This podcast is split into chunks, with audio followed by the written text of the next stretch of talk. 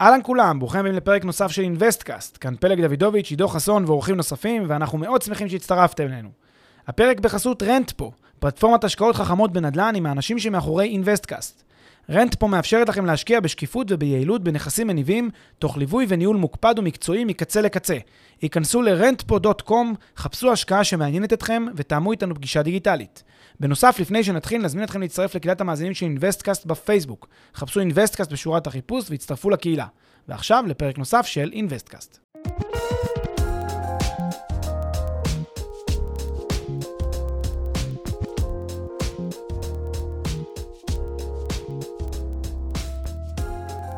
שלום לכולם, אנחנו בפרק מספר 18 של אינוויסטקאסט, אני פלג, היי דור, מה קורה? בסדר גמור. אה, אנחנו רוצים אה, לדבר היום על אה, מימון של עסקאות נדל"ן.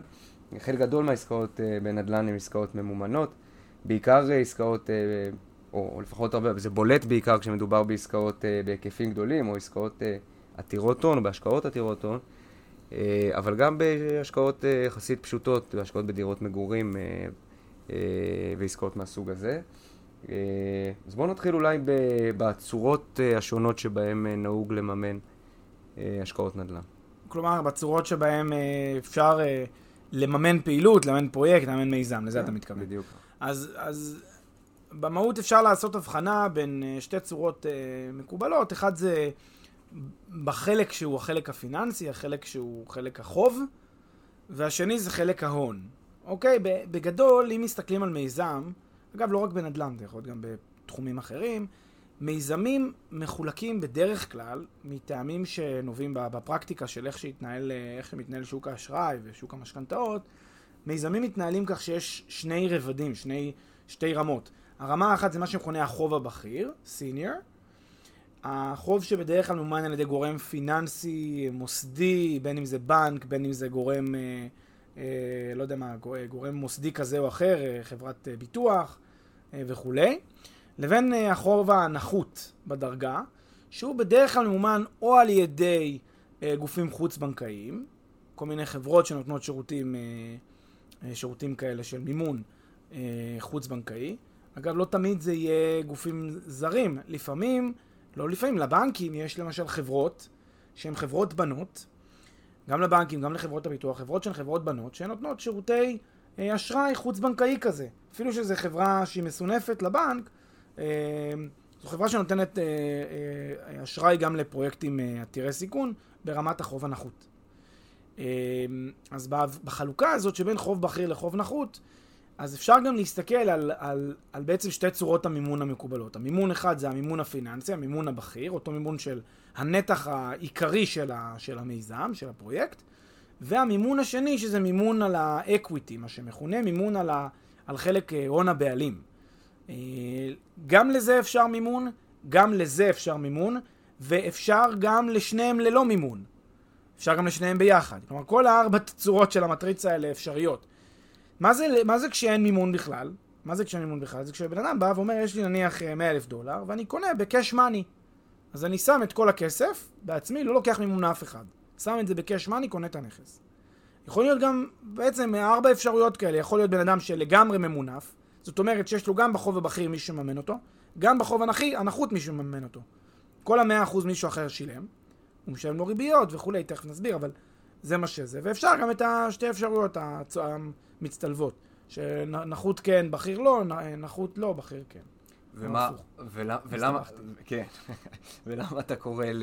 אה, לחוב הנחות, חוב נחות, וחוב בכיר, חוב בכיר. יפה, אז ה... בדרך כלל מה שנלווה ל... לרעיון הזה של צורות המימון האלה, זה שהחוב הבכיר הוא חוב שהוא מוגן מעצם הנכס ש... שמשועבד כדי להגן על החוב הזה. מה קורה הרי? יש, נניח יש מיזם, בא יזם ורוצה אה, לקנות איזשהו קרקע, להרים עליה איזשהו פרויקט, צריך כסף.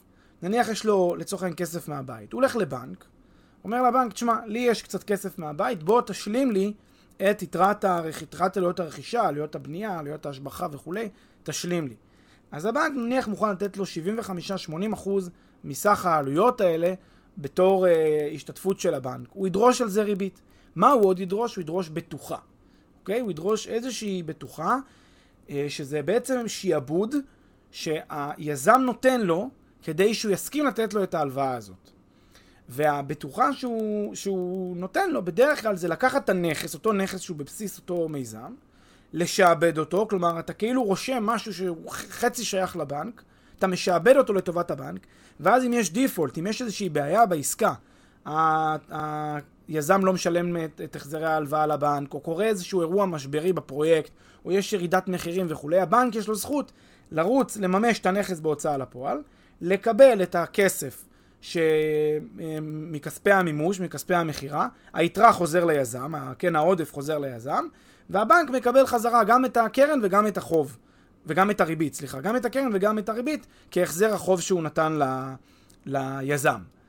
עכשיו, אה, מהבחינה הזאת, הבנק, יש לו חוב שמכונה חוב בכיר. למה?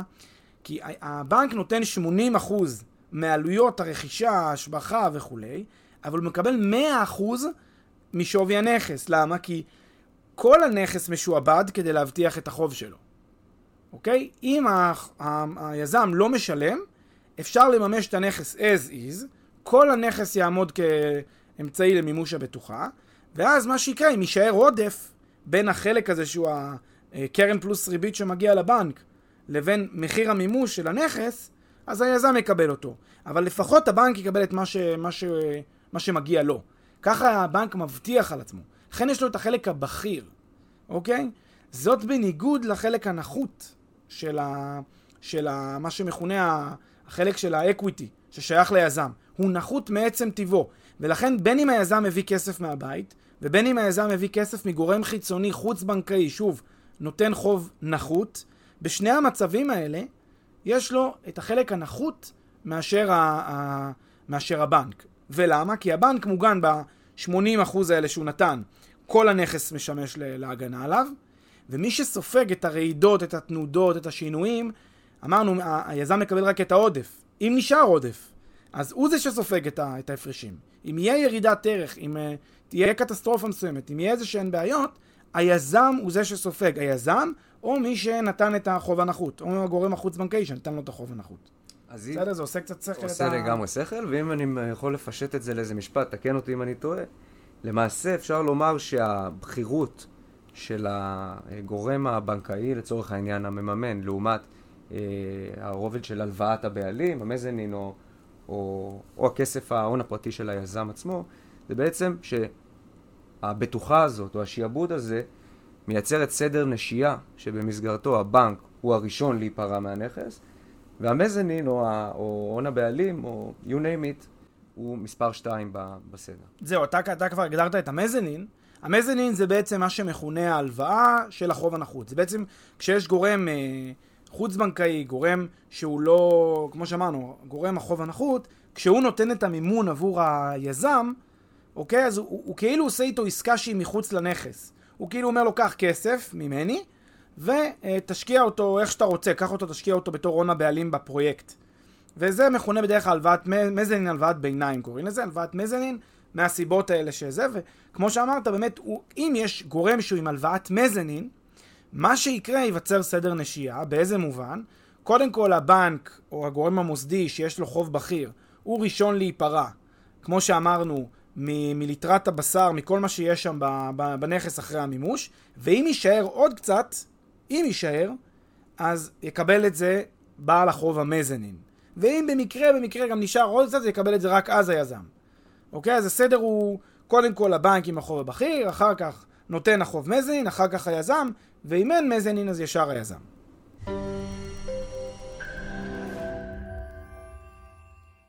לפני שנמשיך, כמה שניות מזמנכם. הפרק בחסות רנטפו, פלטפורמת השקעות חכמות בנדל"ן עם האנשים שמאחורי אינוויסטקאסט. רנטפו מאפשרת לכם להשקיע בשקיפות וביעילות בנכסים מניבים, תוך ליווי וניהול מוקפד ומקצועי מקצה לקצה. היכנסו ל-rentpo.com, חפשו השקעה שמעניינת אתכם ותאמו איתנו פגישה דיגיטלית.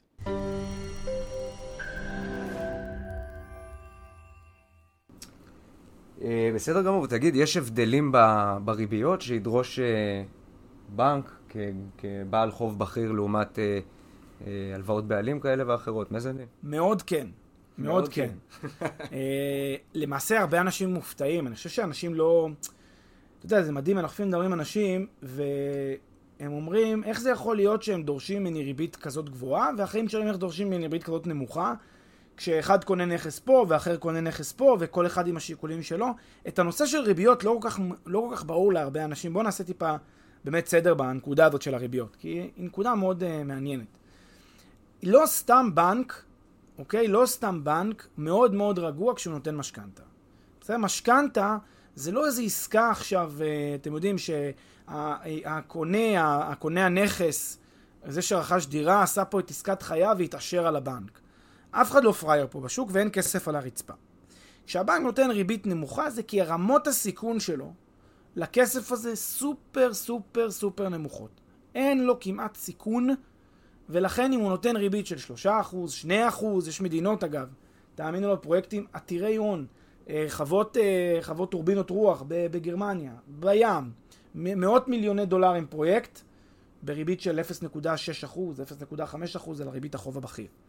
למה זה ככה? למה הבנק כל כך רגוע לתת בפרויקט כל כך עתיר בהון, לתת, ריבי, לתת הלוואה בריבית כל כך נמוכה? כי מערכת הבטוחות והביטחונות שמקבל הבנק, כשהוא נותן את ההלוואה הזאת, כל כך מגנה עליו, שמעשית, בכלל זה שהוא גובה ריבית זה מצחיק. הוא יכול היה לא לגבות ריבית בכלל, הוא יכול היה, כאילו בתיאוריה, כן? הוא יכול היה לא לגבות ריבית בכלל, הוא לא מעמיד את הכסף שלו בסיכון, הוא לא מעמיד את הכסף שלו באיזשהו, באיזשהו חשש, הוא בוודאות יקבל את, ה, את, את הקרן שלו בחזרה, הוא צריכים לפצות אותו אולי קצת על, ה, על הערך הזמן, אבל למעשה זה שהוא יגבה 2% על פרויקט כזה, זה בכלל, זה, זה הזוי, או על נכס זה הזוי. הבנק כמעט ולא חשוף לסיכונים כשיש דירה להשקעה או דירה לרכישה שמישהו קונה. לכן, ו- ו- וזה קורה בגלל שהבנק מקבל, כמו שאמרתי, את כל הנכס כבטוחה על רק 75-80% מה, מהעלויות שלו. זאת אומרת, יש לו שם נתח של 20-25% בשקט של ירידת ערך הנכס, מבלי שזה בכלל מדגדג לו, מבלי שבכלל הוא מפחד מזה. מקסימום אתה לא מחזיר, יש דיפולט, מיד הוא ממש, וגם ב-99.9% הוא לא יגיע למצב שהוא יצטרך לממש את הנכס אה, ב- באיזשהו חשש או להיכנס לאיזושהי היסטריה. לכן הריבית היא נמוכה יחסית. מי כן מודאג? מי לא ישן טוב? בדרך כלל הבעלים. הבעלים בדרך כלל לא מודאג. למה? אה, בדרך כלל כן מודאג. למה? בגלל שהבנק, אמרנו, ראשון, הוא מקבל את כל ההגנות. מי שסופג כל תנודה, כל אפצ'י של השוק, זה היזם. באופן בולט. אם יש ירידה של חמישה אחוז בערכי הנכסים, כשהמשקיע שלנו ממונף, ממומן על ידי בנק, בשיעור של נניח 80-20, אז ירידה של 5% בשווקים משמעה ירידה של 25% ב equity של היזם. אוקיי? פי 5, בדיוק כמו יחס המינוף. אז היזם שלנו מאוד מודאג כשיש ירידה משמעותית בערכי הנכסים. הוא רואה את, ה equi, את ה equity שלו, את ההון הבעלים שלו, הולך ופוחת בצורה אקספוננציאלית, חזקה מאוד, שוחק לו את הכסף, והוא כמובן דואג מזה מאוד. ו- ולכן, בגלל שמזנין, הלוואת מזנין שנותן אה, גורם חוץ-בנקאי עבור החוב הנחות, היא על החלק של האקוויטי, היא, ה... היא מממנת את היזם, אז כמו שהיזם דואג כל הזמן, אז בוודאי שהנותן החוב הנחות דואג, כי הוא הרי מממן את היזם. לכן, כמו שהיזם צריך לדאוג, ככה גם נותן החוב הנחות דואג. ואז מה, במה זה בא לידי ביטוי? זה בא לידי ביטוי בזה שהנותן החוב הנחות דורש כפיצוי על החוב שהוא נותן ריבית מאוד מאוד גבוהה. הוא לא ידרוש ריבית של, אה, של 2-3 אחוז. אתם תראו כבר חברות שנותנות אשראי חוץ בנקאי דורשות 12, 14, 15 אחוז, כי הם בסיכון הרבה הרבה יותר גבוה לכסף שלהם. זה באמת ההבחנה בין, בין שני סוגי הריביות האלה. אוקיי, okay, ומי, יש, אה, מה, איך, איך, בוא, בוא ננסה רגע להיכנס אה, קצת יותר לעומק במקרים שפרויקטים ממומנים. באמצעות חוב בכיר, יש יזם, יש חוב בכיר ויש הלוואת אה, מזנין. מאיפה בדרך כלל, אמרת שיש חברות שנותנות הלוואות מזנין, הרבה פעמים זה גם מגיע מאנשים פרטיים. אה, מה, בוא, אתה יכול לתת לנו איזו שיטה שבמסגרתה מממנים ככה פרויקטים? זו שיטה מקובלת נגיד בארץ או במקומות אחרים בעולם? כן, אני רק, ברשותך נתחיל את זה טיפה אפור, אני אציג את זה טיפה אחרת. אני חושב שהתפיסה להסתכל על זה היא תמיד לראות שיש אלטרנטיבה והיא cash money. כלומר, יכול להיות בן אדם שיש לו כסף, הוא קונה את הנכס בעצמו. לי יש 100 אלף דולר, אני אומר לך באמת, אני בתור uh, בן אדם שגם עושה השקעות, אם יש לי 100 אלף דולר, אני שם אותם עכשיו בנכס בעצמי, לא צריך בנק ולא צריך תלות באף אחד, אני קונה, אוסף את הנכסים מ equity של עצמי, אני רוצה להיפגש עם תשואה מניבה ישר. לא רוצה לחכות 15 שנה עד שאני אראה כסף. לכן אני שם, שם את הכסף ב-100% equity. זה גישה. יש הרבה אנשים שיעדיפו תמיד למנף, תמיד עד השקל האחרון שלהם יעדיפו לקנות מכסף של מישהו אחר, להיפגש כשהם יגיעו לגיל 80 עם, עם, עם הרבה רווח. זה גישה. אז, אז האפשרות, האלטרנטיבה של cash money היא תמיד אפשרית. אבל כמו שאמרתי, יש פה בעצם מטריצה של ארבע אפשרויות. יכול להיות החלק החוב הבכיר הוא, ב, הוא במימון, והשאר הוא בקאש מאני, יכול להיות הפוך, יכול להיות שלגמרי מינוף. זאת אומרת, כל האפשרויות האלה קיימות. עכשיו, גם בתוך כל אפשרות כזאת אתה יכול או להביא גורם באמת מממן, פיננסי מה שמכונה, שייתן הלוואה, ואז אתה נותן לו ריבית שמפצה אותו בעצם על זה שהוא נתן לך הלוואה, זה שהוא העמיד את הכסף שלו לרשותך, אבל יכול להיות גם מנגנון אחר, מנגנון של, של שותפות. גם כמובן יכול להיות מנגנונים משולבים, אני תכף אגיד את זה. אבל במנגנון של שותפות אתה מכניס מישהו שותף. ואז אתה אומר לו, אתה נכנס איתי שותף בפרויקט הזה, אוקיי? ביחד אנחנו משלמים בקאש מאני, אבל בוא נניח אתה מקבל אה, את החמישה אחוז הראשונים מההכנסות. סתם כדי שאני אפצה אותך על זה שאתה העמדת את הכסף.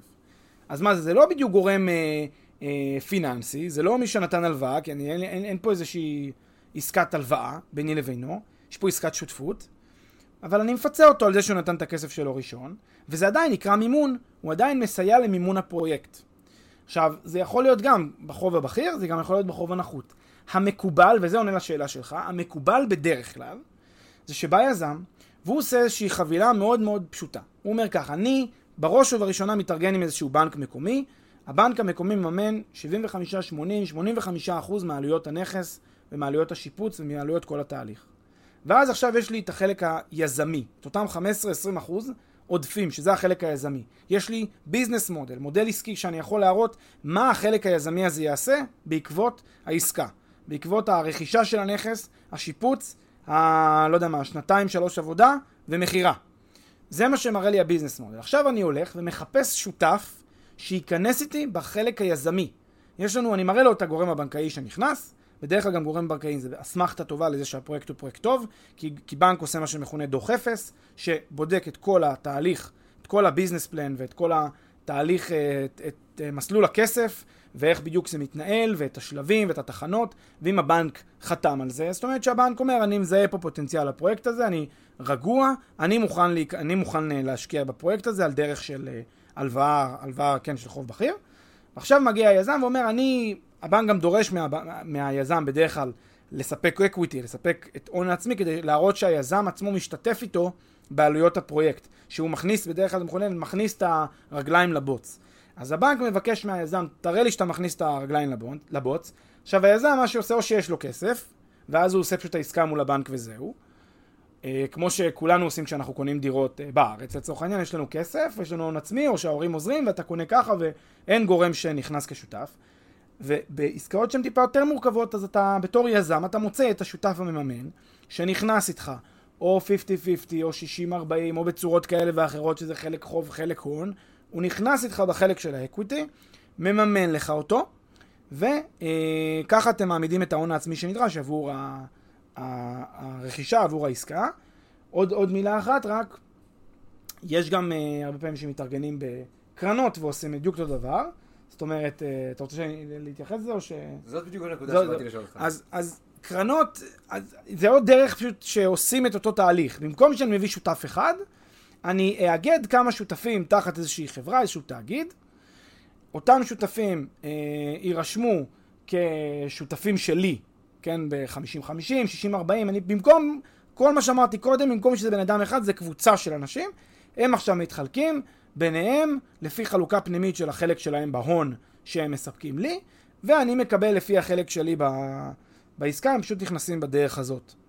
אוקיי? גם אני יכול אגב, וזה מתקשר להלוואת המזנין, אני יכול לא להביא שותף. אני יכול, כמו שאמרתי קודם, להביא גורם חוץ-בנקאי, שאני אומר ככה, אני, אה, יש לי, מראה לי שוב, את אותו דוח אפס, אותו ביזנס פלן, הכל אני אותו דבר. במקום ללכת לשותף, אני הולך לגורם חוץ בנקאי, אומר לו, הנה, זה הפרויקט, אני צריך אה, שני מיליון דולר, בוא תממן לי את השני מיליון דולר האלה. תשלים לי בין ה-80% שהבנק נתן לי ל-100% של עלויות הנכס. בדרך כלל הגורם החוץ-בנקאי לא יסכים לתת את כל ה-20% מסיבות ברורות, הוא יוצא גם כן איזושהי, איזושהי הגנה, איזושהי שכבת שומן שלא לא, לא, לא, לא תינזק. לכן הוא יגיד לי, תשמע, אני נותן לך רק 15%. לא את כל ה-20%, אתה את ה-5% תביא מהבית בכל זאת. והוא ידרוש על ה-15% האלה ריבית עצומה, וככה מצאתי שותף אה, ש- שאני מכניס לשותף שהוא בעצם הגורם החוץ-בנקאי. אוקיי, אז אתה אומר שבעצם אחר, הקבוצ... במקרה של קרנות, הקבוצה של האנשים שנכנסים יחד אה, עם היזם, או יחד איתך כיזם, אה, לתוך הפרויקט, הם למעשה, זה, זה בעצם בדיוק כמו שותף בהון, רק איזה מין שותף מבוזר כזה. כזה. הם מתאגדים באיזה קבוצה, אה, בתאגיד, במסגרת תאגידית מסוימת הרבה פעמים, כן, או כחברה או כשותפות, או כל מיני דברים מהסוג הזה. אה, נכנסים כשותף הלכה למעשה של היזם, פשוט יש הרבה אנשים שהם שותפים של היזם. נכון. יפה. אבל, אחרי... אבל הם כתאגיד, הם תאגיד אחד שמנוהל על ידי בדרך כלל גורם אחד, כן. שהוא השותף. כן. אני לא, כיזם, אני לא רואה את כל יחידי התאגיד הזה. אני רואה את השותף הכללי בדרך כלל, את אותו גורם מנהל דומיננטי שמולו אני מתנהל. אני לא יודע לדבר עם כל אחד מה... באיזה סיכון הם עומדים, הרובד הזה? הרובד הזה, לעומת הבנק, אמרנו שלבנק יש, לחוב הבח... הבנק כ... כ... כ... כמי שנתן הלוואה שיש בצידה שיעבוד, ולכן אה, החוב שלו בכיר או ראשון להיפרע במקרה של, אני לא יודע, כישלון של הפרויקט או אלף ואחד אה, צרות אחרות שלא יבואו. מה, מה קורה עם אותם אה, שותפים שנכנסים באמצעות הקרן ועוזרים ליזם לממן? מה מצבם? תראה, אז הסיפור פה הוא באמת אה, שהם חשופים לרמת סיכון גבוהה יותר. הם חשופים לרמת סיכון שהיא כמו אה, משקיע מז, כמו נותן הלוואת מזנין. אה, והיא רמת סיכון גבוהה. שים לב, לא בכדי חברות אשראי חוץ-בנקאי יודעות לתת אשראי בריבית גבוהה, ריבית של 12-13 אחוז, כי זה מה, ש... זה מה שהן מתמחרות כ- כסיכון, כ- כהלוואה. ושים לב, הם לא נותנים אף פעם את כל ה-100 אחוז, זאת אומרת, הם לא נותנים לך את כל מה שאתה באמת צריך. הם תמיד ייתנו קצת פחות. לא יגיע מצב שחברת אשראי חוץ-בנקאי תיתן ליזם בזירו אקוויטי, ממש בלי שהוא שם שקל, להיכנס לפרויקט. אבל מה שקרנות השקעה עושות, זה מה שהן עושות. הן נותנות לך 100% מהמימון, בדרך כלל, כן, חלק מהקרנות לפחות, זה מה שהן עושות, נותנות לך 100% מהמימון לפרויקט, הם בחלק היזמי הארדקור. הם ממש בחלק, בחלק הכי הכי הכי מבחינה, כן, אה, של סדר הנשייה האחרונים בתור. ואלה המשתתפים באותו מיזם. שוב, זה לא צריך לדאוג, מי שמושקע בקרנות לא צריך להיבהל, זה לא, לא מעיד על קרן כזאת או אחרת שהיא טובה או לא טובה. זה בכלל לא מה שאני אומר, אני רק אומר שכהבנה של המהות של העסקה, אז החלק הזה שהוא חלק היזם בקרנות האלה הוא בדרך כלל החלק היותר מסוכן, החלק שיותר חשוף לתנודות ולהשפעות ו- ולכל הסכנות שבאות עם זה. עכשיו גם תחשוב על זה ש... איך זה בסוף עובד. למה שאני כיזם אכניס שותפים בקרן ולא אכניס קרן, חברה שנותנת לי אשראי חוץ-בנקאי? בדיוק מאותה הסיבה שאני אה, לא אכניס שותף של 50-50 בנכס. בוא, קח, קח שתי דוגמאות. נניח יש לי אפשרות, בסדר? לממן אה, 50% מהנכס, נעשה את זה פשוט, כדי שהדוגמה תהיה פשוטה, לממן 50% מהנכס באמצעות בנק, או לממן 50% מהנכס באמצעות שותף 50-50. אתה... זה כאילו נשמע, אוקיי, מה, מה, מה, מה, מה ההבדל, מה היתרון, כאילו לא ברור כל כך. למה שאני ארצה בכלל לא ללכת עם הבנק? אז סתם כדי לסבר את האוזן. בואו בוא נחשוב רגע על, על, על, על שתי האפשרויות. האפשרות ראשונה, מממן דרך הבנק. הבנק ידרוש ריבית נמוכה, נניח 3%. כל זמן שהתשואה שאני יודע להפיק בקאש מאני, אוקיי? כלומר, אם אני הייתי משלם 100% באקוויטי שלי, היא גבוהה יותר מ-3%, נניח היא 4%, 5%, נניח אני קונה היום נכס, דירה, יודע להפיק עליה 5%. אם אני הולך לבנק, אני אומר לו, 50% מהנכס, תממן, ואני אתן לך על זה 3%. עסקה טובה? Mm-hmm. עסקה מצוינת, כי אני יודע להפיק 5% על כל הנכס, אני נותן לבנק 3% פחות מזה, ומינפתי קצת. יש לי תשואה יותר גבוהה על החלק שלי, על ההון העצמי שלי. יפה. עכשיו, מה קורה כשיש שותף 50-50 איתי? אם הוא 50-50 איתי, זה, זה לא משנה לי, כאילו, אני אמור להיות אדיש, הוא רק אמור להביא לי את הכסף. אתה מבין? הוא רק סוגר לי את הפינה של הכסף. לא שיפרתי את האקוויטי של עצמי, ואני מתחלק איתו פשוט ברווחים, אני חמישה אחוז תשואה, הוא חמישה אחוז תשואה על אותו נכס.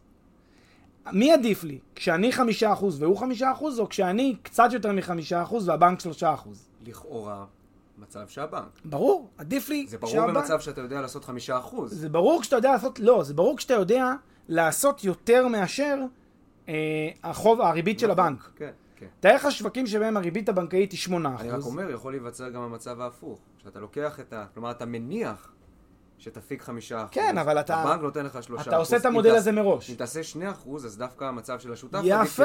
בדיוק, זה הנקודה. אם אתה הולך לשווקים שבהם הריבית הבנקאית היא למשל 8%, וכל הנכס מראה 5% מאיזושהי סיבה, אז דווקא עדיף להכניס שותף חיצוני.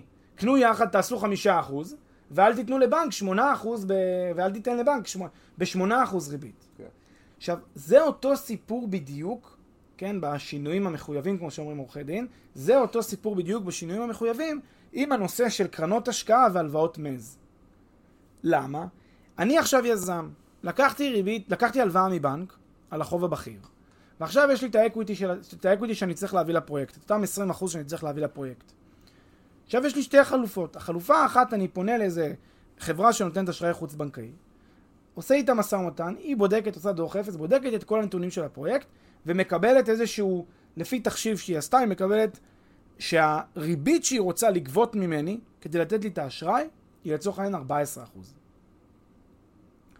ובוא נגיד שגם היא נותנת לי רק בעצם אה, לא 100% כמו, שאמר, כמו שאמרנו, היא לא תיתן לי אף פעם 100%, תן לי קצת פחות, תגיד לי, תשמע, אני משלימה לך בין ה-80% של הבנק, אני משמינה, משמי, משמי, משלימה לך, משלימה לך עד 92%, עד 94%. לא, לא משלימה עד הסוף, עד ה-100. אוקיי? אז אני צריך עוד להביא מהבית עוד כסף. מה עושה היזם המתוחכם? הוא אומר לעצמו, רגע, יש לי פה אפשרות אחת להביא ב-13-14% את החברה החוץ-בנקאית, שנותנת לי בסופו של דבר 14% או 15% מעלויות העסקה, או שאני אלך ואני אחפש שותף, אוקיי? שיעזור לי לסגור את זה בצורה יותר אינטליגנטית עבורי, יותר משתלמת עבורי. אז הוא הולך לשותף, והשותף אומר לו, תשמע, אני מוכן גם כן ב-14%, בדיוק כמו שנתנה לך החברה החוץ-בנקאית, רק הכל. שאני הכל נותן לך עד הסוף. מה הוא יעשה היזם? יאללה, תפאדל. וסוגרים את העסקה. אז בסך הכל מה שקורה פה, היזם פשוט משתתף עם עוד מישהו, וזה עולה לו יותר זול להשתתף איתו, מאשר להשתתף עם גורם שנותן לו הלוואת מזנין. זה בדיוק הסיפור שקורה גם בקרנות השקעה. היזם יכול ללכת לחברה שתיתן לו אשראי מזנין, הלוואת מזנין, היא תגבה איזושהי ריבית, היא תבקש ממנו גם להעמיד כסף מ- מה- מה- מההון שלו, ואם היא לא תבקש, היא תדרוש ריבית עוד יותר עצומה. והוא אומר, זה האלטרנטיבה הראשונה שתמיד יש לי. האלטרנטיבה השנייה זה להכניס שותפים פרטיים, באו, או קונסטלציה של קרן, או חברים שאני מכיר, או אה, קרן ציבורית כזאת, ואני מכ- מכניס אותם כשותפים במיזם, ובהגדרה אני עושה את זה כי זה טוב לי אל מול האלטרנטיבה שיש לי. לכן, השותפים האלה מקבלים פחות מאשר תקבל חברה שנותנת אשראי חוץ-בנקאי, כדרך קבע. זה המשמעות. עכשיו, עכשיו תגיד, אבל יש גם הבדל, זה נותן, זה נותן חוב, אלה שותפים. כל הדברים האלה מתומחרים. כלומר, העובדה שיש פה, בתור בעלים, זה לא כזה משנה לי אם אני נותן למישהו ריבית של 14%, או שאני מתחלק איתו ברווחים, כששיעור הרווחים שלי, אני רואה אותם 14%. מה זה משנה? ריבית של 14% שאני נותן לגורם אה, מלווה, או שאני משתתף עם מישהו ברווחים, וכל הרווח שלי מלכתחילה הוא 14% אה, IRR, כן, תשואה של 14%, מה זה משנה לי אם זה הלוואה או מישהו שמשתתף איתי בהון, שותף? זה לא מאוד משנה. לכן אין הבדל זה שזה זה נותן הלוואה וזה שזה שותף, וגם חלק מהקרנות נכנסות כמלוות, אז קל יותר עוד אפילו לעשות את ההשוואה הזאת. כן. אז במהות זה הסיפור ש, ש, שעומד בעסקאות האלה, במימון שנכנס במז. אז, למה, אז אתה אומר שחברות חוץ-בנקאיות נותנות באותו שיעור ריבית, פחות או יותר, כן, או, או לפעמים ממש באותו שיעור ריבית, מוכנות לתת לך רק אה, חלק מה-X שאתה דורש, והקרנות מוכנות לתת לך את כל ה-X. איך אתה מסביר? הרי, והס- וה- והרי ברור שהחברות ה- שנותנות את האשראי החוץ-בנקאי הם שחקנים מתוחכמים, כן? אז למה הקרנות כן מוכנות אז ללכת האקסטרה מייל אז הזה? הנה, נגעת בנקודה. או, נגעת בנקודה, הרמת להנחתה. שלא לומר הרמתי להנחתה. שלא לומר הרמת להנחתה.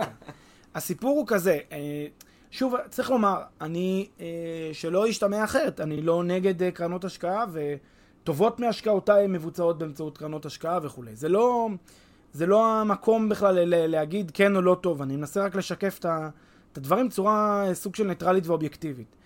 בסופו של דבר, יזם כיזם כיזם תמיד מחפש את אמצעי המימון הזולים ביותר שעומדים לרשותו. גם חברה שהולכת, אה, עושה IPO, שזה בעצם הנפקה בבורסה, גם היא, מה היא מחפשת? היא מחפשת להוזיל את עלויות האשראי שלה, את עלויות המימון שלה. זה מה שהיא עושה. בגלל זה היא הולכת לציבור בלתי, אה, בלתי אמצעי כזה, ציבור שהוא, אה, לא, אין לו זיקה לחברה, למסל... אין, לו, אין לו יכולת לעבד את כל הנתונים, ציבור מבוזר, שמוכן להיכנס להרפתקה הזאת, שזה בדרך כלל הציבור הגדול, הציבור הרחב, והיא מציעה במסגרת הנפקה לציבור להשתתף ב enterprise של התאגיד, ומספרת לו את כל מה שהיא מתכננת לעשות, ואז הציבור נכנס. זה מה שעומד בבסיס שוק ההון, ובאותו אופן גם, גם עובד קרן, עובדת קרן השקעה. בדיוק באותו רעיון, אתה, אתה פונה לקבוצה גדולה יותר של אנשים, אנשים מבוזרים, שאין להם את היכולת ההתארגנות הזאת, האינטרס של כל אחד מהם בנכס הוא קטן יותר מאשר אינטרס של גוף אה, שנותן אשראי חוץ בנקאי גדול, שנותן לך את כל, ה, את כל המימון שאתה דורש, או כמעט את כל המימון שאתה דורש. לכן כל אחד יש לו אינטרס פחות בנכס, לכן כוח המיקוח שלו מולך הוא נמוך יותר, הוא נחות יותר. לכן אתה משיג יתרון בכך שאתה פונה אה, לקבל סוג כזה של אה, מימון. אתה משיג יתרון, ברור. אה, זה באמת אחד האינסנטיבס אה, לעשות דבר כזה. זה גם, זה גם אחת הסיבות שבגללן הרבה מאוד אנשים פונים לאפיקים כאלה של להביא שותפים חיצוניים ולא הולכים הרי, לא, אתה יודע, יש גם אמירה כזאת, בטח בתקופה האחרונה, שלא חסר, לא חסר כסף בשוק. לא חסר. היום אנחנו בשוק של קונים, זה מורגש בכל מקום, כלומר, לא חסר אנשים שיש להם כסף שרוצים להשקיע אותו, ו- ולא חסרות קרנות וגופים מוסדיים שרוצים להשקיע אותו. אנחנו היינו ב... אה, כמה פעמים בגרמניה, בכל מיני פעילויות שקשורות אה, למיזמים של אנרגיה מתחדשת, וראינו שהגופים המוסדיים בכל ה... אפשר לומר בכל העולם, במיוחד באירופה, פשוט עטים על כל מיזם חדש שיש, מוכנים גם בריביות מגוחכות, כמו שאמרתי לך, 0.6-0.7 אחוז, לתת uh, מימון. לא חסר להם כסף, הם צריכים למצוא את האפיקי השקעה. קל וחומר לא חסר לגופים שנותנים אשראי חוץ-בנקאי, זה לחם חוקם. זה ה-bread and butter שלהם, לתת אשראי חוץ-בנקאי. אז תמיד יכול יזם למצוא כסף מנותן אשראי חוץ-בנקאי. רק שכסף כזה יקר לו, הוא מעדיף להוזיל את זה. אז הוא הולך ו- ומארגן קבוצה, אומר להם, הנה, הנה הנתונים, בואו כנסו איתי, אני אשתתף איתכם ברווחים, תממנו לי את כל מה שאני צריך, ותקבלו את חלקכם. וגם להם יש, גם, גם לחברי הקבוצה יש אינטרס כמובן, כי הם לא יודעים להפיק תשואה כזאת בעצמם. הם גם צריכים אותו. כי הם לא מומחים בנדל"ן כמוהו, אז הם גם צריכים אותו ש... אה, כדי להגיע לכזאת אה, הזדמנות אה, השקעה. כן, והרווח שלו, אם אני בעצם מבין אותך נכון, למעשה כשהוא אה, מנסה לגייס כסף באמצעות קרן ממה שאתה קורא הציבור הכללי, או מקבוצה גדולה של אנשים שמתאגדים יחד כדי לתת לו את כל ה-X שהוא מבקש, עוד פעם אני חוזר לדוגמה של ה-X, אה, למעשה, מה שהוא מרוויח פה זה לא ריבית טובה יותר, כי החברה שנותנת אשראי חוץ-בנקאית נותנת לו את אותה ריבית. מה שהוא מרוויח פה, תקן אותי אם אני טועה. לא, זה גם לא נכון. הוא לא מכניס את לא, הרגליים לבוץ. זה, זה, ההשוואה היא לא מדויקת, כי זה לא שהיא לא תיתן לו את הריבית, לפעמים היא תיתן לו ריבית יותר גבוהה, חברת ה... בוא נצא מנקודת, אני אקח את זה אחרת. בוא נצא מנקודת הנחה שהריבית פחות או יותר דומה. כן. למה, איזה אינטרס יש ליזם ללכת לקבוצה המבוזרת יותר ולא לשותף? אם, לא, הריבית היא זהה, אבל אחד מוכן לתת רק אה, שלושת רבעי איקס ואחד מוכן לתת את כל... אז זה ברור. אז הריבית לא אותו דבר. כי... כי... כי... כן. לא, אני אגיד לא, לך למה לא. אני אגיד לך למה לא. כן. כי יש לי, נניח, את אותו הסכום, נניח את אותם אה, שני מיליון דולר, מממנים לי 90% ממנו, אותה חברת אשראי חוץ-בנקאי, בריבית של 14%, ואת השאר, את אותם 10% נוספים, אני צריך להביא מהבית איכשהו. כן. והמחיר שלי להביא את הכסף הזה מהבית הוא נגיד 17 אחוז. כן. אז הריבית המשוקללת כן. היא 15 אחוז דרך החברה החוץ. אז אני לגמרי מבין את זה, אבל אני רוצה להציג את זה בצורה אולי קצת יותר פרובוקטיבית, אבל, אבל יש בה משהו. למה שהוא יעדיף, כן, נגיד שגם הריבית מהבית שלו היא בדיוק אותו הריבית, הכל בדיוק משתכלל לו בצורה כזאת שהריביות יוצאות... גם אז יש סיבה טובה. והסיבה הטובה היא, תקן אותי אם אני טועה, שהיזם יכול ליהנות רק מהאפסייד. כלומר, הוא לא מסכן שום דבר. למעשה. כל הכסף הוא כסף של אחרים. אם יש downside, עכשיו שילכו לא, לחפש את הכסף שאתה בחזרה. אומר- אוקיי, אז אתה אומר, אתה אומר, והוא יכול ליהנות אם יש עליות. אתה אומר כל זמן שהיא מימנה אה, 90 אחוז לצורך העניין מכל ה equity, אז יש לו עדיין את ה-10 אחוז שהוא הביא, והוא מסכן כסף. כן. הוא מכניס כסף פנימה. כן. ברור, ברור. אם יש גם את העניין שהוא מכניס כסף פנימה, אין, אתה לחלוטין צודק, תמיד יהיה עדיף לו, כן, אם הוא, אם הוא אוהב את המינוף, אוהב את ה... תמיד יהיה עדיף לו לא להכניס כסף פנימה, שמישהו אחר ישלם, והוא יהיה לגמרי ללא סיכון מבחינתו. אבל יש אגב עוד אה, סיבה רגע, טובה. וזה לא, וזה לא מה שקורה למעשה בחלק גדול מהקרנות? אני שואל, כי אני, אגיד לך, קורה, בוודאי. אם בסופו של דבר הקרן בהרבה נותנת, משלימה קרנות, ל-100%, אז היזם אין סיכון. קרנות, בהרבה מאוד קרנות, היזם לא שם כסף. אין לו לא סיכון. בכל הקרנות, לא בכל הקרנות, קרנות שיודעות להתמקח מול יזם ולא מקבלות כל פרויקט, אז הן דורשות מן הסתם שהיזם ישתתף כשיעור חלקו במיזם. למשל יגידו, אתה נכנס 90-10, אז תכניס 10% מה, מה, מה equity הדרוש המשותף שלנו, של חלק, של ה equity של הפרויקט. אבל דווקא נגעת בנקודה שהרימה לי עוד פעם להנחתה, בהקשר אחר אגב. תאר לך שהייתי גם מוצא לך חברת אה, mezzanine, היא חברה של אשראי חוץ בנקאי שנותנת לי 100% מה equity שאני צריך, לצורך העניין. וגם יש לי את האפשרות להביא את הקרן שתביא לי 100% מה, מהאקוויטי שנדרש. גם אז אני אעדיף, ו- ושתיהן באותה ריבית, גם אז אני אעדיף את הקרן. שוב, כי ה- לאורך כל תקופת העסקה, כל תקופת ההשקעה הזאת, מול מי עדיף להתנהל? מול קרן שהיא אה, גוף גדול, מול, מול, מול גוף גדול שנותן אשראי חוץ בנקאי כדרך קבע, שזה ה-bread and butter שלו, או מול קרן שהתאגדה פרטנית לצורך אותה משימה, וזה מה שהיא עושה, ו- ומולה אני מעדיף לעבוד, ומול אנשים שהם, אה, האינטרס שלהם בנכס קטן יותר כי הם, הם מושקעים בו פחות כל אחד באופן עצמאי. הם יהיו פחות עיקשים. הם יהיו פחות עיקשים, הם יהיו... זאת אז במובן הזה האינטרס שלי תמיד יהיה לבחור ב... וזה גם מה שאתה יודע, זה שוב, זה חוזר חזרה לזה שזה גם מה שעומד בבסיס שוק ההון. זה גם אותו סיפור שלמה חברה לא תלך ותיקח את כל הכסף שלה מנותן אשראי חוץ בנקאי, לעומת שתנפיק אג"ח, שתגייס כסף מהציבור באמצעות אה, הלוואה באג"ח, והציבור יהיה עכשיו אה, בעל החוב שלה. עדיף בעל חוב שהוא ציבור מאשר בעל חוב שזה חברת אשראי חוץ בנקאי, ש... שאני צריך להתחיל לתת לה דין וחשבון על כל דבר שאני עושה. אה, יפה, טוב, אז אני חושב שהגענו פה לעומקים. לעומקים. אנשים שחושבים יכולים להסיק כל מיני מסקנות, שונות ומשונות. אה, זהו, יש לנו חוב. יש לנו חוב... אה, בכיר. יש לנו חוב בכיר. אה, או יותר נכון למאזינים. יש חוב בכיר. אני לא יודע מה הבטוחה, אתה חושב שיש לך איזה רעיון? אבל אה, יש לנו חוב עם הפרק של. החלק השלישי של הפרק על אה, פיזור. אז אנחנו נשלים, נשלים את החוב הזה בקרוב, נפרע את החוב הזה בקרוב, וזהו, וניפגש שוב הבאה בפרק מספר אה, 19. אוקיי, להתראות. יאללה, בינתיים. ביי.